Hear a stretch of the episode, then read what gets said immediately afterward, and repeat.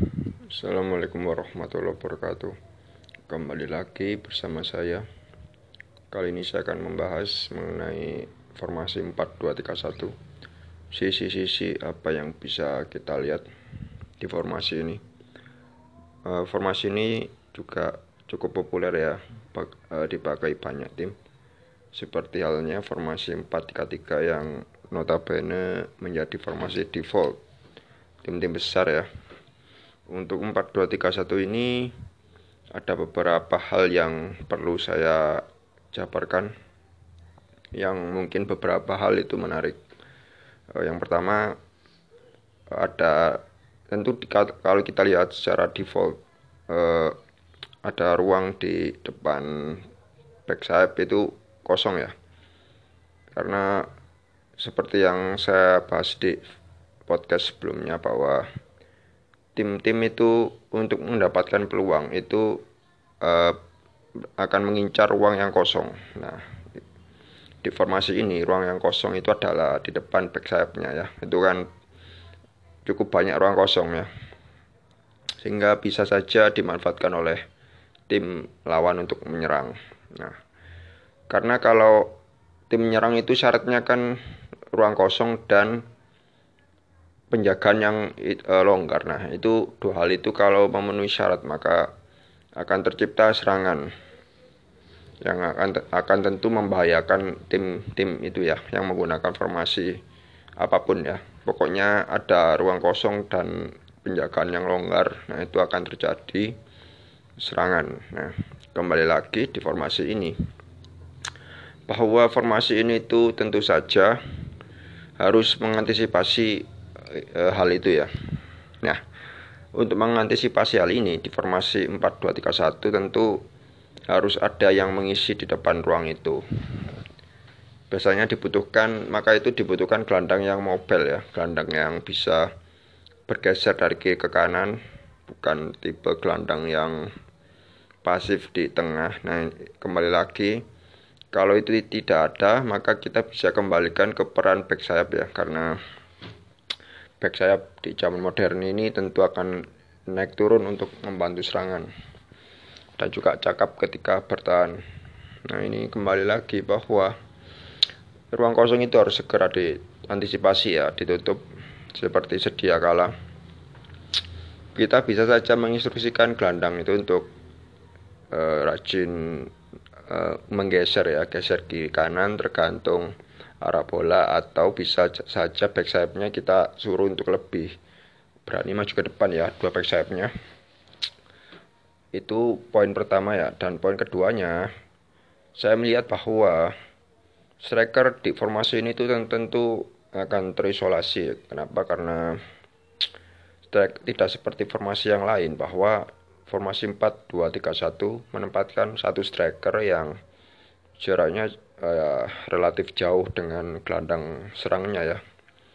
Tidak seperti formasi lain ya, kita bandingkan dengan formasi 4-3-3 bahwa, bahwa striker tengahnya kalau di 4-3-3 itu kan jumlah strikernya itu tiga ya. Itu cukup dekat sekali dengan striker tengahnya. Sehingga karena lebih dekat dengan striker tengahnya itu tentu support sistemnya jauh lebih baik ya lebih tinggi beda dengan 4-2-3-1 ini yang jarak antara pemain striker dan di belakangnya itu cukup jauh. Biasanya begitu. Nah tentu ini ini membuat tipe striker di formasi ini dan formasi 4-3-3 itu agak berbeda. Logikanya kalau striker tengahnya minim support maka striker tengah ini harus mandiri ya. Jadi dibutuhkan striker yang mandiri ya. Mandiri seperti apa ya mandiri dalam hal dia harus bisa untuk e, melewati lawan dengan satu lawan satu atau membuat sulit dalam satu lawan satu. Nah itu adalah e, poin-poin yang harus bisa digunakan striker striker di depan ya striker tunggal di formasi 4-2-3-1 jadi dia harus mandiri tidak tergantung support yang dekat. Nah itu striker seperti saya contohkan seperti Aguero, Lacazette, striker-striker yang punya tubuh kecil dan badan yang uh, bukan Jack Grealish dan punya kontrol bola yang bagus. Contohnya ya Aguero, Lacazette, Lautaro Martinez dan banyak striker lain itu tentu akan cocok di formasi ini karena uh, mereka itu mandiri ya. Jadi tidak tergantung support yang terlalu tinggi karena mereka bisa mengolah bola itu sendiri sebenarnya tapi karena sistem sepak bola yang kompleks ini membuat kadang-kadang striker tengahnya terisolasi ya karena ada beberapa faktor utamanya suplai bolanya yang kurang banyak. Nah, kembali lagi dibutuhkan striker tengah yang mandiri yang saya jelaskan tadi ya. Apakah ada hal lain yang e, menarik ya? E, peran back sayap juga patut saya singgung ya. Di sini peran back sayap tidak seperti formasi 4-3-3 yang harus rajin menyerang. Di formasi ini sebenarnya kalian bisa membuat peran back sayapnya lebih normal ya. Jadi ya kondisional aja. Naik turunnya itu kondisional tergantung situasi dan arah bolanya seperti apa. Beda dengan formasi 4-3-3 ya. Kalau 4-3-3 itu ya pokoknya back sayapnya harus maju.